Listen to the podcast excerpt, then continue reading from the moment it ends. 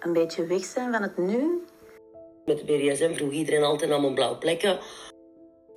Ik wil mijn creativiteit kunnen ontplooien. Lezen is fijn. Goesting, drang en te veel fantasie. En nu ga je los. Je leert nieuwe dingen.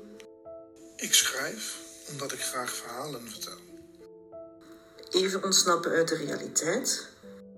Om plaats te maken in mijn hoofd voor nieuwe ideeën. Kan je niet beter als hoer gaan werken, dan verdien je er nog iets aan. Ik lees dan ook eh, elke dag. Maar de creatieve ik stond jarenlang droog. Dan eh, neuk je maar eens rond of zo. eh. Het is een uit de hand gelopen hobby. Als je aan het lezen bent, kan je eigenlijk op dat moment aan niets anders denken. Het is brandstof voor het brein.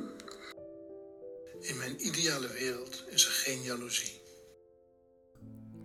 Ik ben Lena Dufay en in mijn Lena's bladzijden en bekentenissen podcast neem ik je graag mee langs de lievelingsboeken van menig auteur, bespreken we samen hun recentste werken en nemen we een duik in de bijzonderste relaties.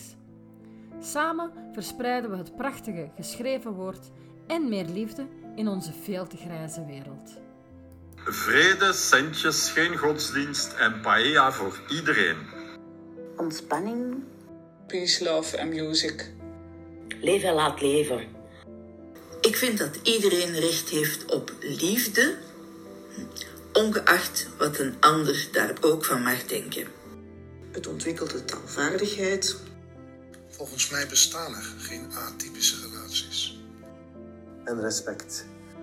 Zolang er wederzijdse toestemming is, kan elke mogelijke combinatie voor mij.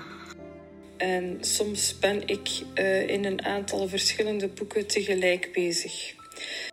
Elke vrijwillige relatie tussen volwassenen is gelijkwaardig. Een andere wereld binnengaan. Ja, wat eh, acceptatie en eh, gerugbaarheid eh, aan het fenomeen, zeg maar. Een wereld waar iedereen respect heeft voor de anderen. Genieten met een zacht muziekje op de achtergrond. Lekker gezellig met het haardvuur aan.